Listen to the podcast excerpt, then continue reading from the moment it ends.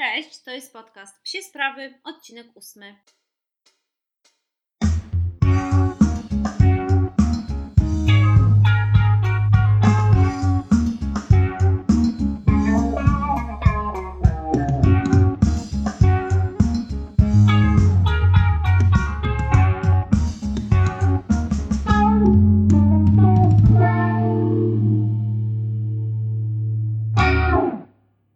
Mi się nagrać ten siódmy odcinek i puścić Wam, chociaż trochę już w to nie wierzyłam, że, że uda mi się po tych wszystkich perturbacjach. Mm, I z tego, co widziałam, całkiem się Wam podobał.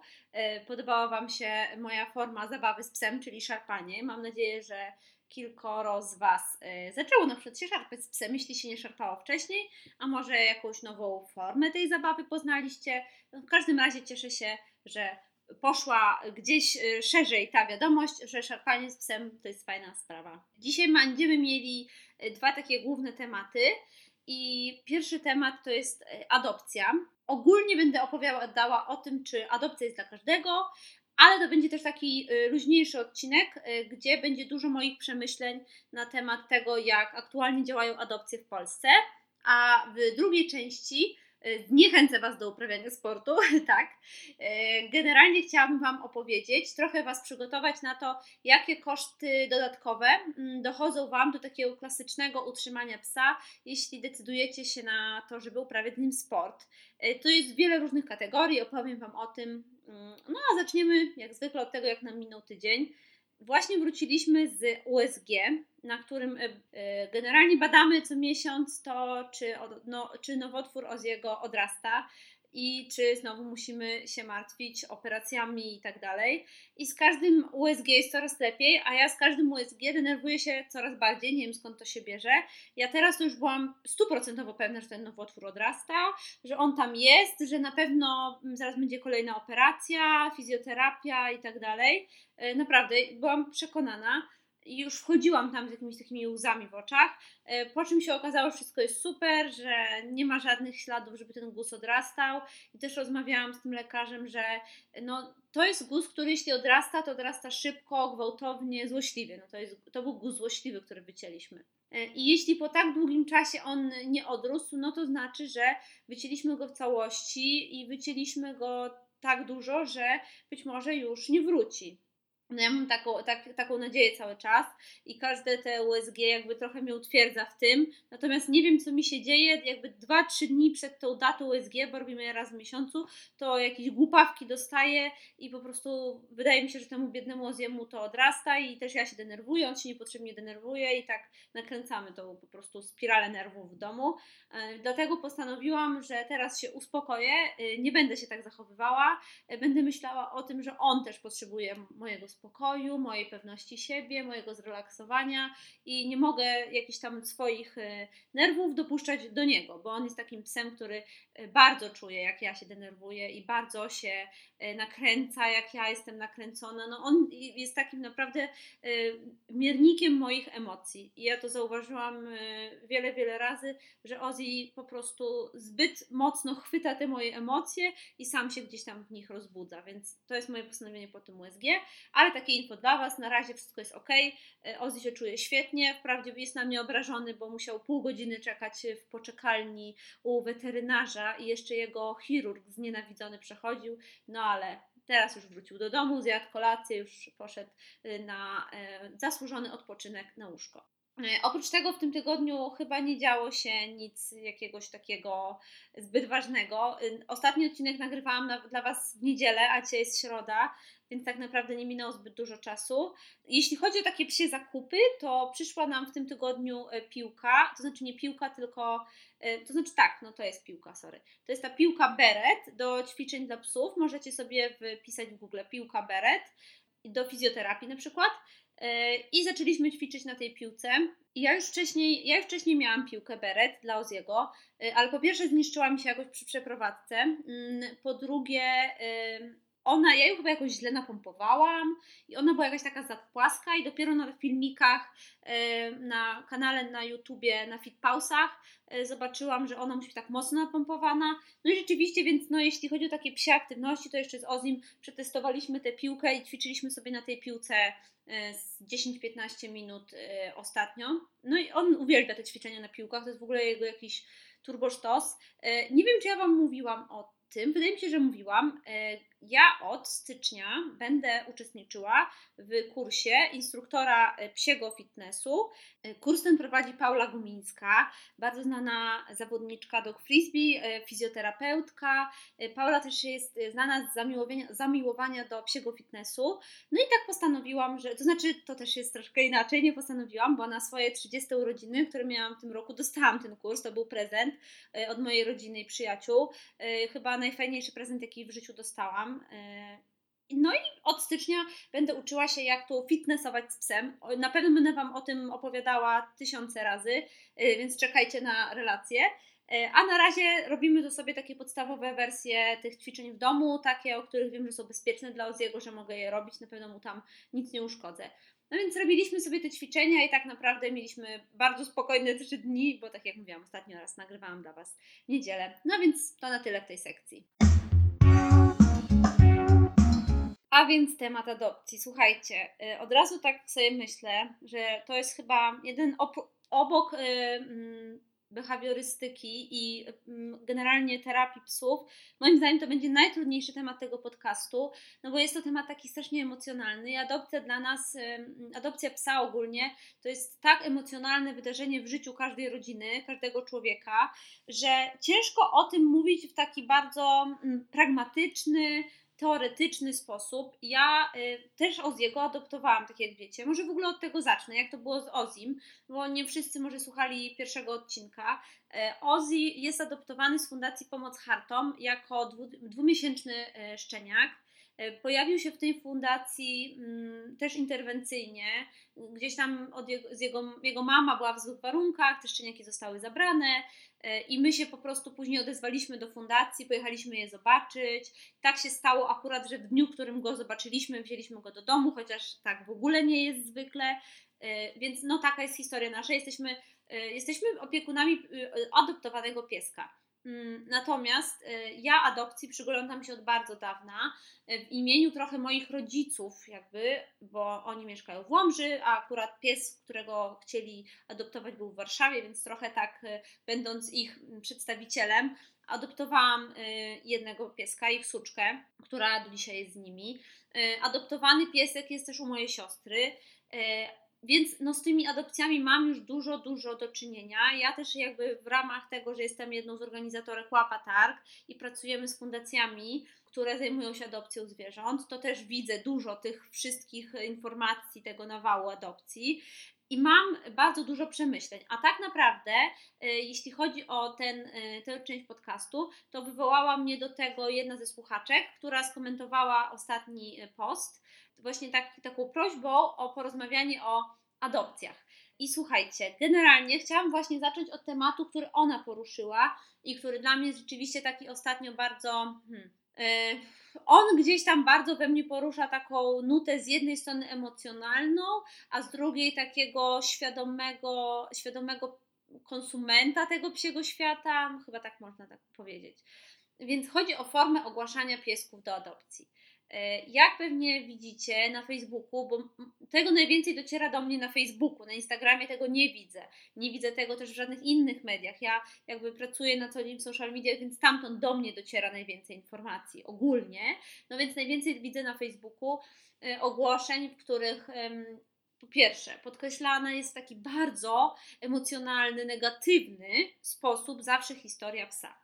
Po drugie, y, są wymieniane w taki też bardzo rozpaczliwy sposób wszystkie jego wady, choroby, problemy, i to ma wzbudzać w nas jakąś tam litość, jakieś tam takie uczucia, e, takiego współczucia. Mm, oprócz tego e, też jest zawsze pokazywana ta historia cała tego psa i tego, jak on się znalazł, co się z nim działo i tak dalej, e, czy tego, co się z nim teraz dzieje, mm, w taki bardzo rzewny sposób. I to się powtarza non-stop. I ja wiem, że żyjemy w społeczeństwie, w jakim żyjemy i żyjemy w kraju, w którym ciągle większość psów jest traktowana źle. Bo tak słuchajcie, sobie ostatnio pomyślałam, że jednak większość psów w Polsce ma źle, bo mamy pieski, y, mamy większość tych piesków chyba na łańcuchach na wsi, prawda? Tak muszę w ogóle, muszę sobie poszukać takich statystyk, wtedy się nimi z Wami podzielę, no bo mamy jakieś badania, ile jest psów w Polsce, tak? Y, I mm, ile z tych psów mieszka na wsi i właśnie raczej jest traktowanych średnio, a ile mieszka w miastach, no i ma powiedzmy spoko życie, tak? W mieszkaniu, w domu, po prostu w cieple no muszę to sprawdzić, ale w każdym razie ciągle ten procent psów, które mają źle, jest duży. Niestety też coraz częściej docierają do nas e, informacje o jakimś tam okrucieństwie wobec zwierząt, o jakichś takich naprawdę drastycznych przypadkach znęcania się nad zwierzętami.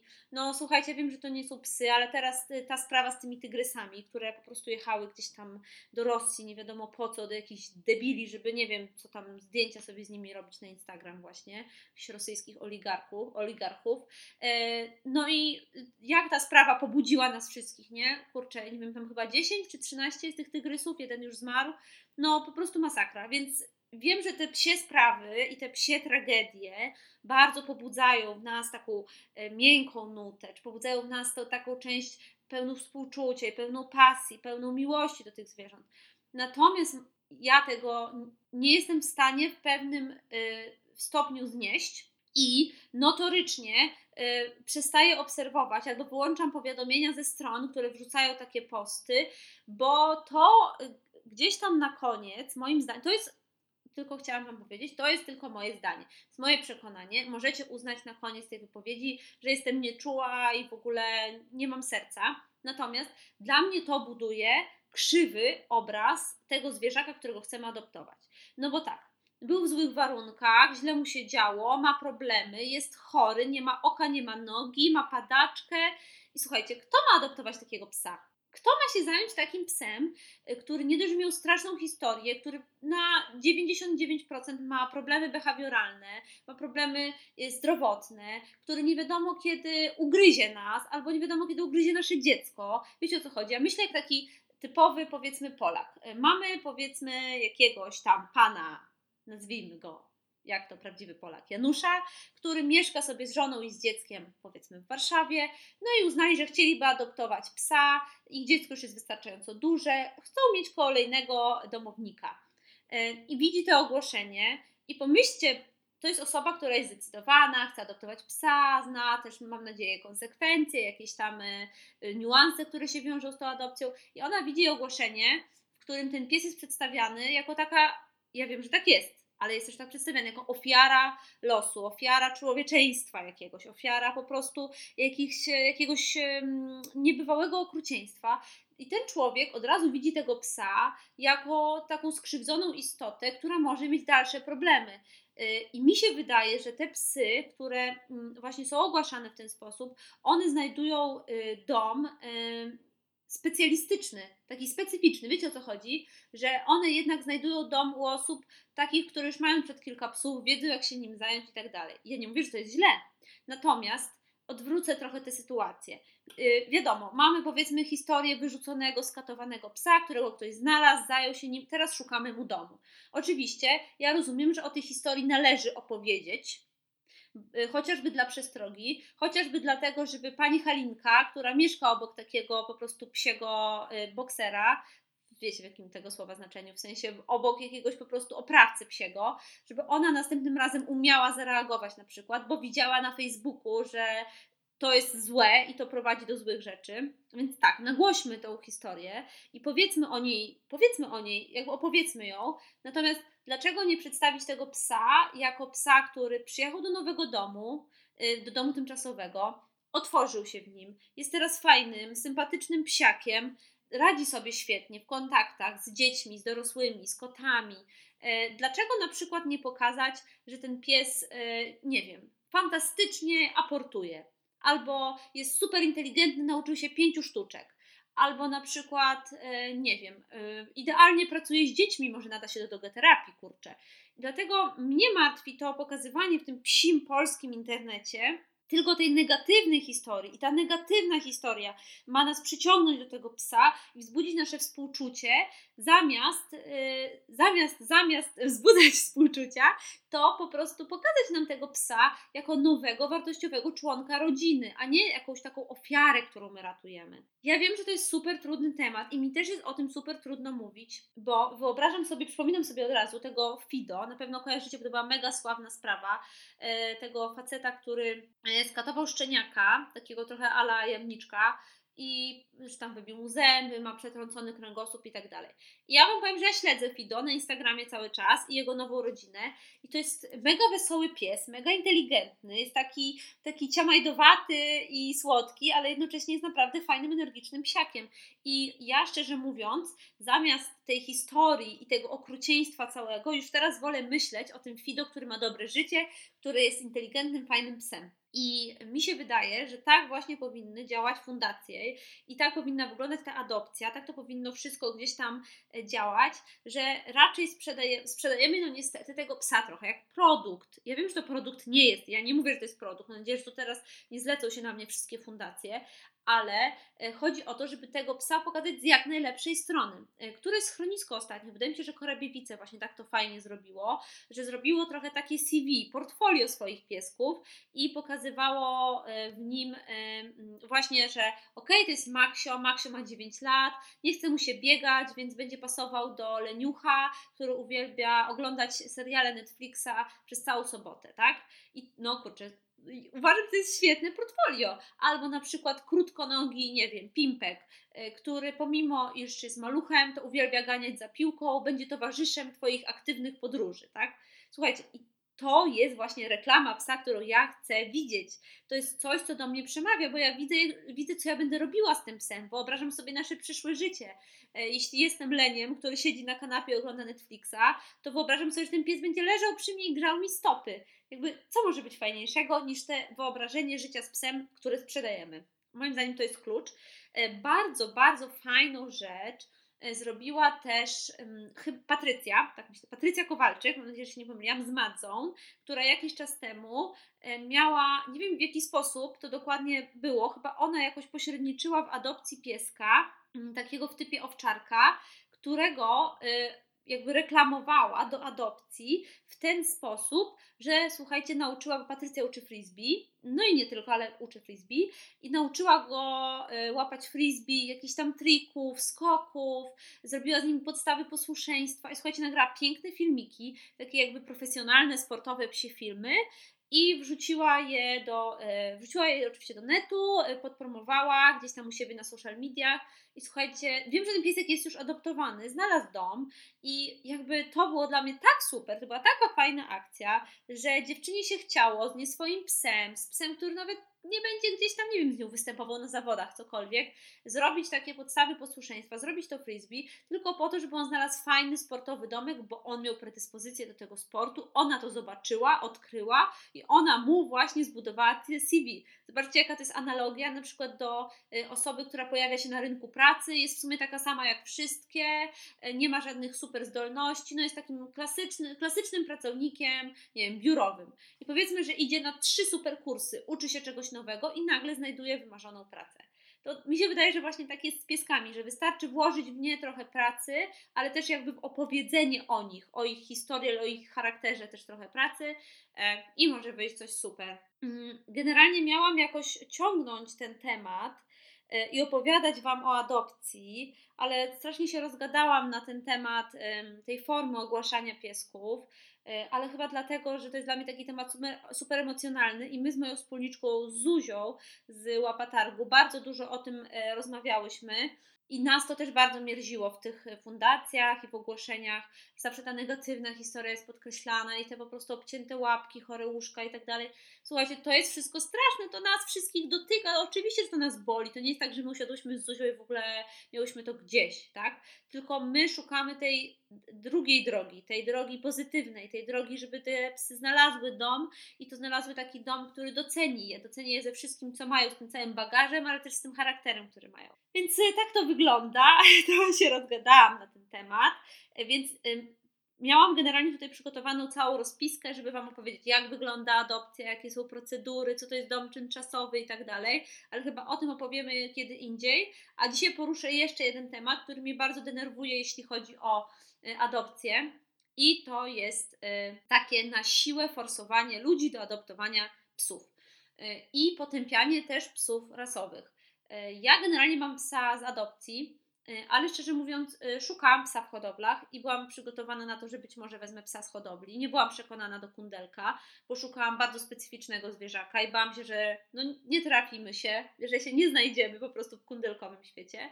E, I to ja mam na przykład psa, który jest miksem dwóch ras i został adoptowany z fundacji, która się opiekuje rasami hartami, tak? Yy, czyli tą całą grupą hartów. Tam się głównie znajdują w tej fundacji mieszańce, natomiast to są psy w typie harta, a hart to, to, to jest bardzo specyficzny pies, więc to jakby wszystkie te cechy rasy to zawsze gdzieś tam niesie.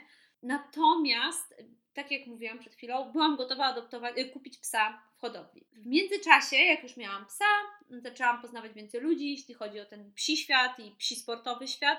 E, akurat psi sportowy może nie, ale sam psi i to otoczenie łapatargu, które gdzieś tam zaczęłam budować, bardzo często słuchałam bardzo negatywnych opinii o osobach, które kupują psy rasowe, którzy, które hodują psy rasowe, rozmnażają je i tak dalej. E, I e, też tutaj mm, nasuwa się od razu takie powiedzenie pani Doroty Sumińskiej, e, która powiedziała, że nie powinien być rozmnożony ani jeden pies, nie powinny powstawać żadne nowe mioty, dopóki wszystkie psy nie zostaną adoptowane.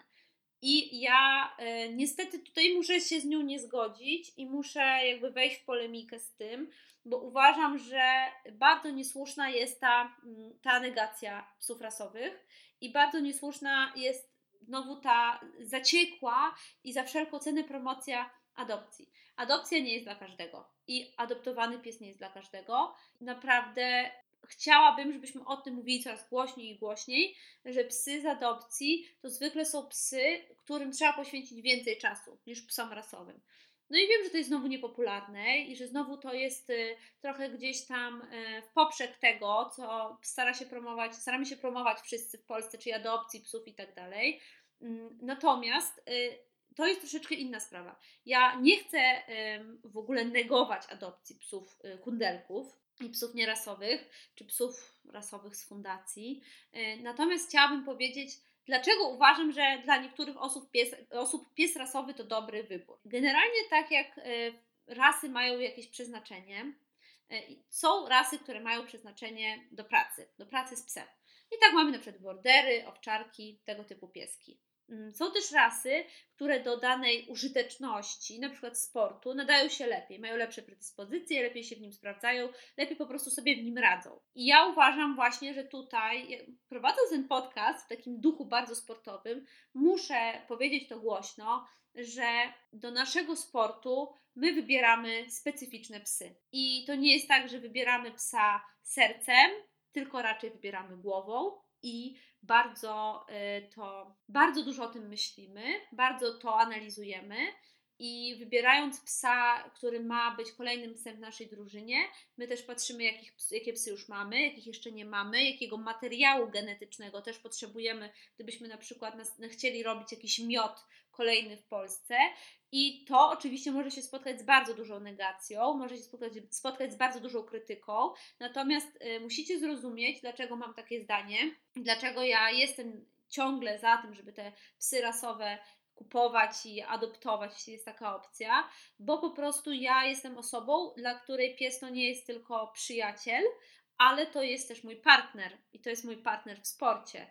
E, i ja psa biorę do sportu. Ja nie biorę psa do siedzenia z nim na kanapie, oglądania Netflixa, tylko ja biorę psa, od, do, co wobec którego ja mam konkretne wymagania. I okej, okay, znowu zaraz już słyszę, jak zlatuje się tu nade mną po prostu stado e, zagorzałych tutaj fanatyków adopcji piesków. E, ja na pewno, jeśli będę brała drugiego psa, to go kupię.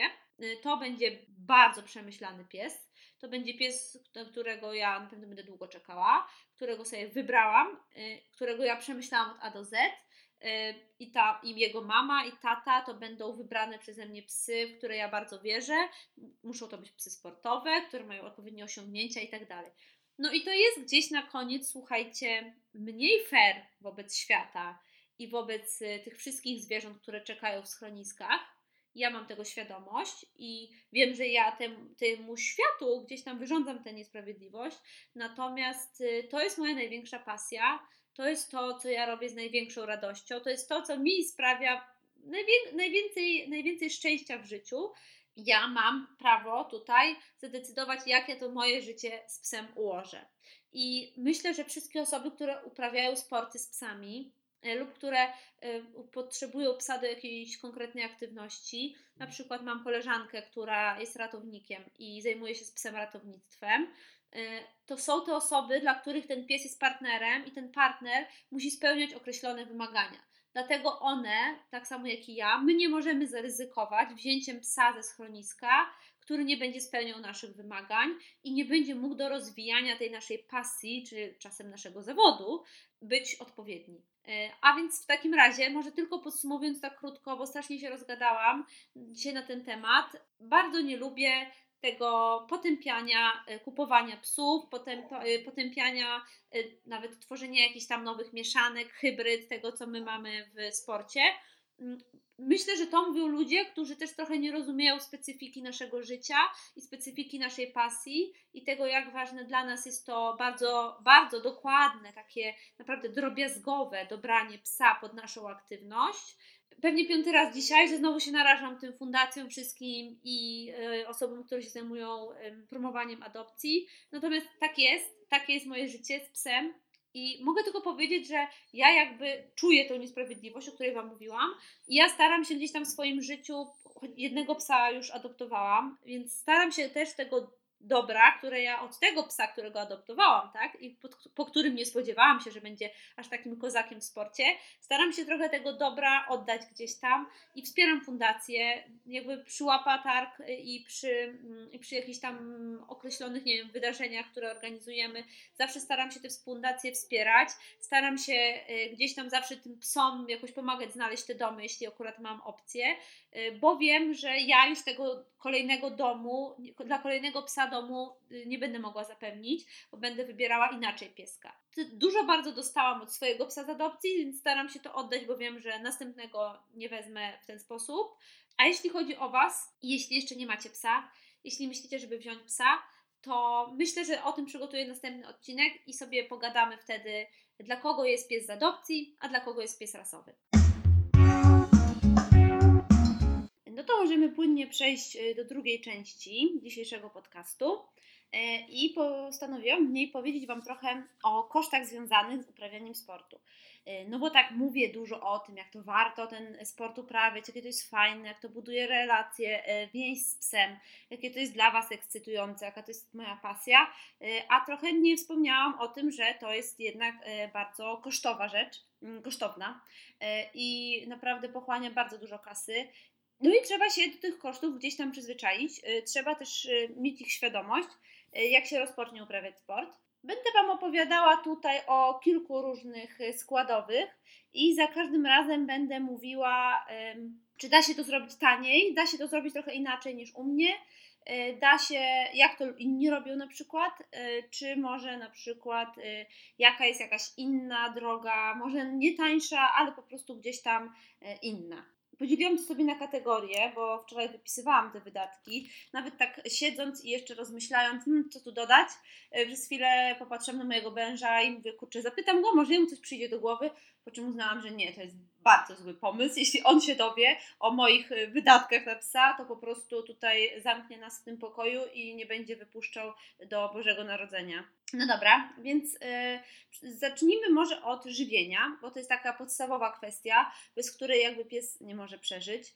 Yy, oczywiście są różne sposoby żywienia. Ja Wam mówiłam, że Ozzy jest na barfie od jakichś. Yy, wydaje mi się, że dwóch lat, że dwa lata gdzieś jest na barfie i my na barw przeszliśmy z powodów totalnie sportowych, to znaczy jakichś tam zdrowotno-żywieniowych też na pewno, bo Ozzy zaczynał mieć początki jakichś alergii pokarmowych i też nasza behawiorystka Magda bardzo długo nas namawiała na tego barfa. Mm, I mnie przekonało to, kiedy jakby gdzieś tam się dowiedziałam, że większość tych psów sportowych w Polsce, które mają najlepsze wyniki i tak dobrze sobie radzą, to są psy, które są na barfie. Mm, to były pieski jakby z drużyny z Gdańska, od fraktali, one, one właśnie są żywione surowym mięsem.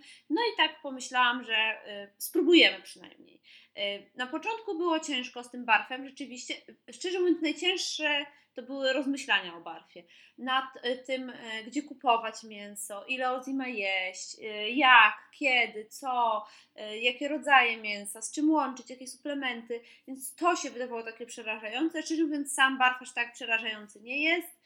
I generalnie wszystkim polecam. O barfie zrobimy jak zwykle inny odcinek. Kolejna rzecz to są suplementy. No i to są suplementy typu, to znaczy tak, wiecie, na barfie to są oddzielne suplementy, więc o nich już tutaj nie mówię. Y, chodzi o suplementy treningowe, suplementy dla psów trenujących. Y, generalnie jest tak, y, o tym też rozmawiałam z fizjoterapeutą, że jeśli pies jest młody, nie ma żadnych problemów, wszystko jest ok, to nie musi przyjmować żadnych konkretnych suplementów i nie musi gdzieś tam, nie musimy go gdzieś tam dodatkowo wspierać ale jeśli zaczynają się już jakieś problemy, lub y, jeśli pies gdzieś tam, y, nie wiem, jest starszy, ma jakieś kontuzje i tak dalej, no to trzeba już zacząć tą suplementację. Y, Ozzy przez chorobę i przez to, że no, odbudowywał sobie trochę ten mięsień, który, którego tyle wycięliśmy i odbudowywał sobie jakby też tą strukturę mięśniową właśnie w tej łapce, no i przez to też, że nie trenował przez cały sezon, prawda? To musiał, e, musiał przyjmować HMB na przykład w tym roku. E, a tak to raczej nie wspieraliśmy go jakoś dodatkowo specjalnymi suplementami, no bo nie było takiego e, wskazania od mm, fizjoterapeuty. Elektrolity. Są specjalne elektrolity dla psów. My raczej ich nie podajemy, ale to z takiego względu, nie z takiego, że ja nie chcę, tylko dlatego, że Ozzy nie chce i nie chce pić i on w ogóle bardzo mało pije na zawodach i też to jest taki problem, o którym ja gdzieś, z którym ja się mierzę, się zastanawiam, e, jak sobie z tym poradzić. No i też e, jeszcze taki bardzo, że tak powiem, szczegółowy wydatek, natomiast bardzo dużo sportowców to kupuje. E, będę Wam opowiadała kiedyś, jak z psem wyglądają zawody, czyli jak wygląda ten cykl przygotowania, dzień po, dzień przed i tak dalej. I generalnie piesek w trakcie zawodów, przynajmniej tak jest u nas przyjęty, ja tak to praktykuję, że pies w dniu zawodów nie je, aż do zakończenia zawodów, e, a przed zawodami je jakby wcześniej, czyli tak jak Ozzy dostaje jedzonko około 18, no to staram się, żeby dostał je powiedzmy 16, 17, no maksymalnie, żeby po prostu tam w brzuszku, jak będzie biegał, e, nic mu nie zalegało. I to jest taka pasta, akurat, którą my tam Ozzy'emu podajemy, to jest z firmy Aptus. No i to jest taka pasta właśnie wzmacniająca, y, która, ma, która ma po prostu w trakcie, w trakcie zawodów wzmacniać go w trakcie biegów. E, ok, no i następny składnik to są oczywiście treningi. E, same treningi e, też kosztują. Mm, to też nie jest tak, że w tym naszym sporcie przynajmniej będziecie w stanie zacząć go trenować sami. No, no nie ma takiej opcji. Y, bo po pierwsze skontuzujecie z psa, y, z, zaszczepicie mu jakieś złe zwyczaje, źle zrobi płytę, później będzie źle robił boks. No nie, nie, nie. Nie robimy sami treningów flyballowych. Jeśli flyball widzieliśmy tylko na YouTubie albo słyszeliśmy o nim w podcaście Psie Sprawy. Więc jakby dochodzą Wam koszty treningów. Te koszty są bardzo różne i one się wahają rzeczywiście mm, bardzo różnie w zależności od miasta którym trenujecie. Oprócz tego do takiego klasycznego, do takiego klasycznej opłaty za treningi dochodzą opłaty za seminaria. Jeśli na przykład bierzecie udział w jakichś seminariach e, z drużynami, które przyjeżdżają z zagranicy, z trenerami i tak dalej, no to to są kolejne wydatki, na które, które trzeba liczyć. Tylko wiecie, to nie jest wydatek konieczny, no bo na seminarium zwykle jeżdżą trenerzy, zawodnicy, którzy mają jakieś problematyczne pieski i chcą, żeby ci trenerzy mm, z zagranicy e, pomogli im je rozwiązać, ale to jest super fajna frajda i to jest e, super ciekawa rzecz e, posłuchać jakby innego zdania i innych metod treningowych, więc ja generalnie polecam, jeśli będziecie mieli taką opcję, to to jest super sprawa. Y, no i do tego dochodzą takie opłaty, które tutaj y, określiłam jako y, wkład w drużynę, czyli na przykład jeśli jesteście nową drużyną, zakładacie nową drużynę i kupujecie box, na przykład składacie się na ten box. E, albo kupujecie hopki, składacie się na nowe hopki. E, jeśli jakby jesteście częścią jakiejś nowej drużyny albo zakładacie z kimś drużynę, musicie się liczyć z tym, że na początku to też będą takie koszty. Mm, kolejne są oczywiście zawody, no bo po to trenujemy, żeby jeździć na zawody. I tutaj mamy jakby cały, cały ten zespół kosztów, który przychodzi z każdym wyjazdem, czyli noclegi, e, transport, transport piesków, transport sprzętu, do tego dochodzą też na przykład takie rzeczy jak wpisowe za zawody.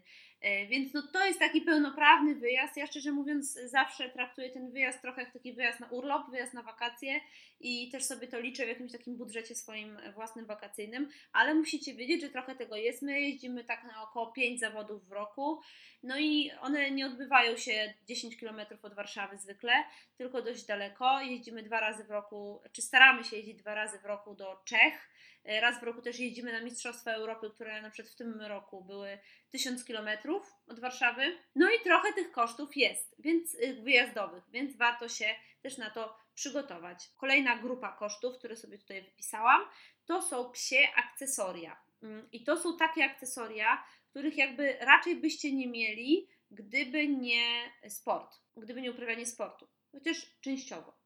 E, więc przede wszystkim zacznę od tego, że potrzebujecie odpowiednich szelek i to nie są takie szelki, e, które kupicie w zoologu albo zamówicie nawet przez internet, bo do uprawiania e, sportów potrzebne są specjalne szelki i oczywiście możecie znaleźć je gdzieś tam w wielu firmach, natomiast tutaj kluczowym jest to dopasowanie, więc też y, trzeba włożyć trochę, y, że tak powiem, zachodu, trzeba włożyć też trochę takich poszukiwań, żeby te odpowiednie szelki znaleźć. My na przykład mamy szelki, które są robione specjalnie pod nasz sport y, przez modną kozę. Możecie ją sobie znaleźć na Facebooku i bardzo Wam polecam jej produkty. Są naprawdę świetne. A jeśli chodzi teraz od kilku sezonów, mm, preferujemy bieganie w samej obroży, żeby psu było trochę lżej. Natomiast na początek treningów wszystkim sugeruję szelki. Wszystkim sugeruję szelki, bo łatwiej jest tego psa gdzieś tam opanować, łatwiej jest gdzieś tam go ustawić, zacząć z nim współpracę i tak dalej. Łatwiej też jest nam, trenerom, w trakcie jakby treningów takiego młodego pieska okiełznać na szelkach. Więc na pewno trzeba zainwestować w specjalne szelki. Obroże to już jest bardzo indywidualna kwestia, ale one mogą być raczej takie typowe, byle były leciutkie. E, oprócz tego e, musicie mieć klatkę. Mówiłam Wam ostatnio, że klatka się przydaje i że jest super sprawą i że jest e, bardzo ważna gdzieś tam w sportach i bez niej właściwie nie wyobrażam sobie uprawiania sportów. Natomiast nie jest to też taki zakup, który musicie mieć koniecznie, bez którego po prostu ten szczeniak czy pies nie wejdzie Wam do domu. No więc tu trzeba klatkę kupić i już jak kupujecie klatkę, którą macie mieć gdzieś tam pod kątem sportowym na zawody, treningi i tak dalej, no to to nie jest inna klatka technicznie, ale to myślę, że będzie inna klatka, którą już Wy inaczej wybierzecie. E, bo przede wszystkim tę klatkę się często nosi, składa, rozkłada, przesuwa. Z drugiej strony ona musi być mocna, wytrzymała, musi e, móc e, jakby wytrzymać tego psa w środku, tak? E, no i generalnie ja Wam powiem, że ja z, z tymi klatkami pod sporty powiedzmy e, miałam jakieś po prostu przygody życia. Najpierw miałam klatkę taką klasyczną, metalową e, i to było dla mnie za ciężkie. Nie dałam rady tego nosić, nie dałam rady tego wyciągać, wciągać z każdym razem z samochodu, bo ona, Ozzy jest duży, klatka była duża, bardzo ciężka, mi było po prostu za ciężko. No, tyle razy, ile sobie przycięłam palce o tę klatkę, to nawet nie wspomnę. E, później miałam klatkę materiałową. To była absolutnie moja wina, nie Oziego. Ozi ją porwał, bo zostawiłam go, mm, zostawiłam go po prostu na takim widoku, gdzie nie zasłoniłam mu jednej części klatki i on widział trenujące psy. E, więc no dla niego to jeszcze było wtedy bardzo młody i dla niego to było jeszcze bardzo ciężkie na to patrzeć, bo on tam chciał wyrwać, biegać i w ogóle wszystko. E, więc tak pięknie pazureczkiem mi otworzył tę klatkę, więc ona była do wyrzucenia. E, potem kupiliśmy do samochodu, bo zmieniliśmy samochód, e, klatkę, taką typowy, taki typowy transporter samochodowy.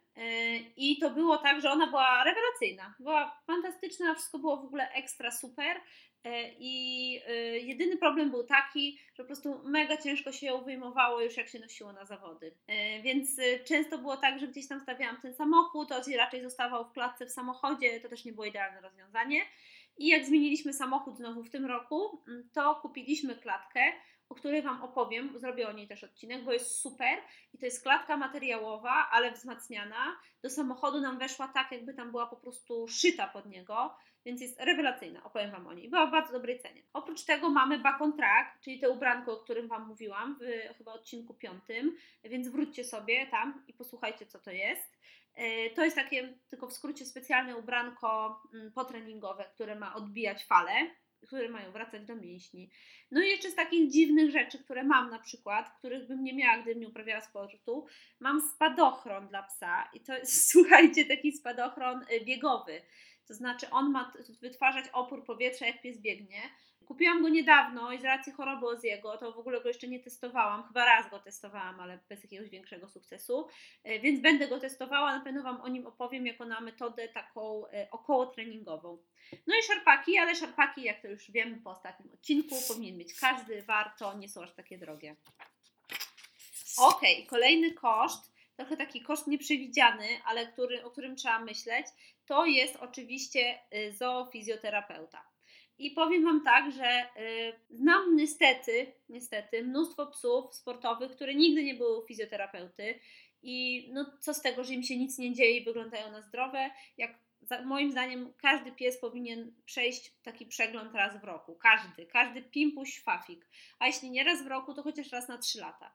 To naprawdę nie są duże koszty, bo to jest około 100 zł, 100-150 w zależności od miasta. Więc słuchajcie, no bez przesady, odmówmy sobie czegoś, a sprawdźmy, czy nasz pies kurcze dobrze się czuje. No bo pamiętajcie, że psy e, nie powiedzą nam, mamo, po prostu, ale mnie boli łapa, po prostu nie dam rady chodzić tylko pies bardzo często ukrywa takie rzeczy i pies y, kompensuje. Mm, czyli na przykład jeśli boli go prawy bark, będzie bardziej obciążał lewy bark i zaraz siądą mu oba i wtedy będzie kłopot. Dobrze, skończyłam y, mój y, wykład, a teraz chciałam Wam powiedzieć, jakie koszty u nas wchodzą w ten skład. Więc jeśli chodzi o tą fizjoterapię, to my robimy przegląd dwa razy w roku, tak sportowo raczej. E, generalnie raz w roku wystarczy. My w tym roku robiliśmy dwa, no bo po prostu Ozzy był chory, o czym wiecie, więc tam się te... i jeszcze miał y, kontuzję to sportową, więc trochę tam się tego nazbierało. A oprócz tego y, chodzimy na bieżnię wodną i o tym też Wam kiedyś opowiem. To jest super sprawa, jeśli chodzi o budowanie masy mięśniowej u pieska. No i są jeszcze jakieś dodatkowe rzeczy, czyli na przykład masaże, na które chodzimy, a teraz też na przykład chodzimy do Eli na, na osteopatię to są takie dodatkowe koszty, o których też trzeba myśleć i trzeba mieć gdzieś tam z tyłu głowy, że w każdej chwili wasz pies może się skontuzjować, tak jak się skontuzjował Ozzy, który był w fantastycznej formie, był super przygotowany po zimie i w ogóle i na pierwszych zawodach ciach Iliopsas. Potem nowotwór to jest inna sprawa, ale ten Iliopsas y, gdzieś tam też nas y, kosztował bardzo dużo po prostu i czasu i pieniędzy, żeby to wszystko wróciło do normy, a tylko wróciło do normy i był nowy. Innym też jakby składnikiem, jeśli chodzi o badanie psa jest weterynarz, no bo fizjoterapeuta wiadomo, może być weterynarzem, nie musi, natomiast jeśli chodzi o jakieś kontuzje, to tutaj nawet jeśli zaczniemy fizjoterapię, najpierw musimy zrobić diagnostykę. I fizjoterapeuci raczej nie mają tych e, wszystkich narzędzi diagnostycznych i tych, tych wszystkich e, mechanizmów i aparatów diagnostycznych, dlatego musimy te badania zrobić u weterynarza. No i oczywiście to są takie badania, o których ja też Wam mówiłam przed jakby tym, jak zaczniecie uprawiać sporty, ale w trakcie uprawiania, jeśli zdarzy się kontuzja, to też te e, konieczności prześwietleń się pojawiają. Zwykle to są USG stawów, e, ale też prześwietlenia stawów. Mm, czasem to są jakieś dodatkowe badania krwi, więc trzeba się też przygotować, że ta diagnostyka się pojawia. No i to nie kosztuje 10 zł, jak dobrze wiecie, tylko zaczynają się te kwoty gdzieś tam od 100 zł za jakieś proste badania diagnostyczne. E, a, jeszcze jedna ważna sprawa, też trzeba na przykład zbadać serce, trzeba zrobić echo serca. Y, na przykład jeśli macie harta tak jak ja, to tutaj te echo serca gdzieś tam dalej się wiąże z kolejnymi badaniami, bo harty mają większe serca, przy obciążeniach sportowych też mają y, jakieś tam y, dalsze wskazania do badań, więc no to już dochodzą dalsze, dalsze koszty. Ok, i na koniec, bo już naprawdę sporo się tu dzisiaj nagadałam, dochodzą koszty ludzkie. I to są takie koszty, które w zależności od tego, jakim budżetem dysponujecie, albo jak bardzo chcecie być przygotowani, są wyższe lub niższe. no bo tutaj jakby ja nie mogę nic Wam narzucić, nic Wam nie mogę powiedzieć. Mogę Wam powiedzieć na przykład, tak, musicie mieć najdroższe buty biegowe, jakie są, bo to jest super dla Waszego psa. No nie. To jest podcast o psiakach, więc tutaj o psiakach mogę mówić y, w bardziej karzący sposób i w taki nieznoszący sprzeciwu, że musicie iść do fizjoterapeuty. Natomiast jeśli chodzi o Was, no to już jest tylko Wasza sprawa, jak do tego podejdziecie jakie koszty ludzkie dochodzą, takie, których zwykle byście nie mieli, gdybyście nie uprawiali sportu z psem, tylko wychodzili z nim e, na podwórko czy na, e, do parku na spacer. Pojawiają się przede wszystkim buty. I słuchajcie, w psich sportach buty to jest e, równie ekscytujący temat jak w modzie. I naprawdę ja spotkałam się z wielkimi dyskusjami, z po prostu jakimiś elaboratami na tym, jakie buty powinny być do sportów. Generalnie szukamy butów, które będą dobrze sprawdzać się na różnej nawierzchni, przede wszystkim na mokrej trawie, błocie i tak dalej, i które przy jakichś tam biegach, przy ruchach, przy zwrotach, no nie sprawią, że po prostu wywiniemy przysłowiowego orła. I generalnie te buty potrafią kosztować, słuchajcie, od nie wiem, 100 zł do 1000 Myślę, że tutaj e, najwprawniejsi gracze mają właśnie w takich cenach buty. E, są polecane różne marki i różne buty, i tutaj nie będę Wam nic polecała, bo też nie jestem jakąś wielką specjalistką, sama też się gdzieś zawsze kogoś radzę. Ja biegam, zawsze biegałam w takich butach trekkingowych, ale też jakichś naprawdę super tanich. E, a w tym roku kupiłam sobie buty do piłki nożnej, do turfu. E, to polecił mi mój kolega Bartek, że one mają właśnie te wypustki, dobrze się będzie w nich biegać. No i tak się jakoś stało, że załapałam się chyba na jakiś ostatni rozmiar e, chłopięcy i w sumie, słuchajcie, za 100 chyba 20 zł dorwałam takie super, e, to nie są korki, bo one nie mają tego, tych metalowych części, tylko takie plastikowe, plastikowe korki do turfu gdzieś tam na Allegro, Adidasa i naprawdę są super, super się w nich biega. Jak będziecie chcieli link, to zapraszam, bo są ekstra, polecam. E, druga rzecz to są e, ciuchy. I to jest trochę inna sprawa, bo generalnie nie potrzebujecie specjalnych może ciuchów. Bardziej to jest to, że jeśli na przykład tak jak ja na co dzień nie uprawiacie żadnych sportów i nie macie ciuchów sportowych, ani dresów, ani nic takiego, e, no to potrzebujecie po prostu gdzieś tam ciuchów sportowych, których będzie Wam po prostu wygodnie, ale też ciepło, bo pamiętajcie, że zawody są często jesienią, e, wczesną wiosną, więc też trzeba zadbać o to, żeby było ciepło. Jeśli jeździcie na zawody i tak jak my na przykład jeździcie na, na EFC, na Mistrzostwa Europy, to będzie Wam potrzebny sprzęt biwakowy. E, I ten sprzęt biwakowy E, no to chyba nie muszę Wam mówić, to są podstawowe rzeczy, namiot, śpiwór i tak dalej. Natomiast no nie musicie tego kupować, możecie to pożyczyć, bo to się korzysta z tego raz w roku. Możecie jeździć kamperem, możecie nocować w hotelu, więc tylko Wam mówię, bo to jest na przykład jedna ze składowych, którą ja musiałam zainwestować. Jak już wiecie, zresztą z chyba drugiego odcinka czy trzeciego, w którym mówiłam o sprzęcie biwakowym Oziego, czyli o jego śpiworze. E, kolejnym kosztem, takim bardzo administracyjnym, będzie członkostwo w związku. E, akurat jeśli chodzi o nasz sport, to tutaj to jest ważne, e, bo musicie być, to znaczy nie musicie być, wasz pies musi być zarejestrowany w związku, wy w związku być nie musicie, żeby brać udział w zawodach, ale pies tak. E, natomiast ja jestem członkiem związku, większość y, zawodników polskiego flybolu też jest członkami związku, więc to jest też dodatkowa opłata roczna. No i na koniec doszedł taki koszt, który dla mnie na przykład jest istotny, ale rozumiem, że nie dla każdego musi być i nie każdy może o nim w ogóle myśleć i to są kursy i szkolenia. E, mówiłam Wam już o tych seminariach, natomiast kursy i szkolenia to jest dla mnie coś dodatkowego, bo to jest e, związane jakby z Waszym rozwojem jako zawodników, jako trenerów, jako właścicieli. ja staram się brać udział w takich kursach. E, teraz idę właśnie na kurs instruktora psiego fitnessu, jeśli mogę już doczekać. Myślę, że na pewno, na pewno już jestem przygotowana finansowo. Zrobię kurs psiego masażu, bo to jest super sprawa i to jest w ogóle uważam przełomowa rzecz. No i mam to marzenie o szkole osteopatii ostatnio, ale nie wiem jak to się uda już finansowo i czasowo. Y, w każdym razie to są też jakieś tam dodatkowe koszty. Jak widzicie i słyszycie, trochę tych kosztów jest i trochę się tego tutaj pojawia. I ten odcinek nie miał um, odstraszyć Was od uprawiania sportów, ani odciągnąć Was od tego, e, bardziej pokazać Wam e, też, jak bardzo sprofesjonalizowany i jak bardzo rozległy jest ten temat psiego sportu, jakie to jest poważne przedsięwzięcie i jak trzeba do tego poważnie podejść. Oczywiście nie musicie na początek mieć wszystkiego. Na początek wystarczy Wam szarpak, trener i szelki, szczerze mówiąc. I miska z wodą dla tego pieska na treningach. A na co dzień już będziecie, jak będziecie się wciągać w to uprawianie sportu i w tę codzienność sportową, będziecie dokupować te rzeczy. Ja tak robiłam. Ja na początek chodziłam na treningi, miałam szarpaczek, yy, biegałam w tenisówkach, a miałam po prostu dla pieska jakieś zwykłe szelki. I z czasem, z czasem uczyłam się, kupowałam te rzeczy i tak dalej. Więc no, to są też rzeczy, które ja mam, słuchajcie, po y, czterech latach uprawiania sportu. Y, więc pamiętajcie, że to jest gdzieś tam też tak, że jak to raz kupicie, no to nie musicie tego wymieniać co nie wiem ile. Na przykład dwa kontraka, szelki też są całkiem trwałe, buty, więc myślę, że to są też takie wydatki, które się rozkładają i ogólnie mam nadzieję, że tak jak ja dojdziecie do wniosku, że warto przede wszystkim uprawiać sport z pieskiem, warto Dziękuję za słuchanie tego odcinka. Był on trochę inny, wydaje mi się, niż te poprzednie. Był może taki mniej e, zbiorczo-merytoryczny e, i nie, nie, nie poruszałam tam może, zwłaszcza w tej pierwszej części, jakiegoś tematu tak bardzo metodycznie. Natomiast to był jakiś temat, taki temat, który m, mm, przede wszystkim poruszył Was jako odbiorców gdzieś tam na Instagramie. Po drugie, który bardzo porusza mnie, chciałam o nim opowiedzieć. No a te koszty psiego sportu to tak na deser. A więc dziękuję Wam za słuchanie tego odcinka i do usłyszenia za tydzień.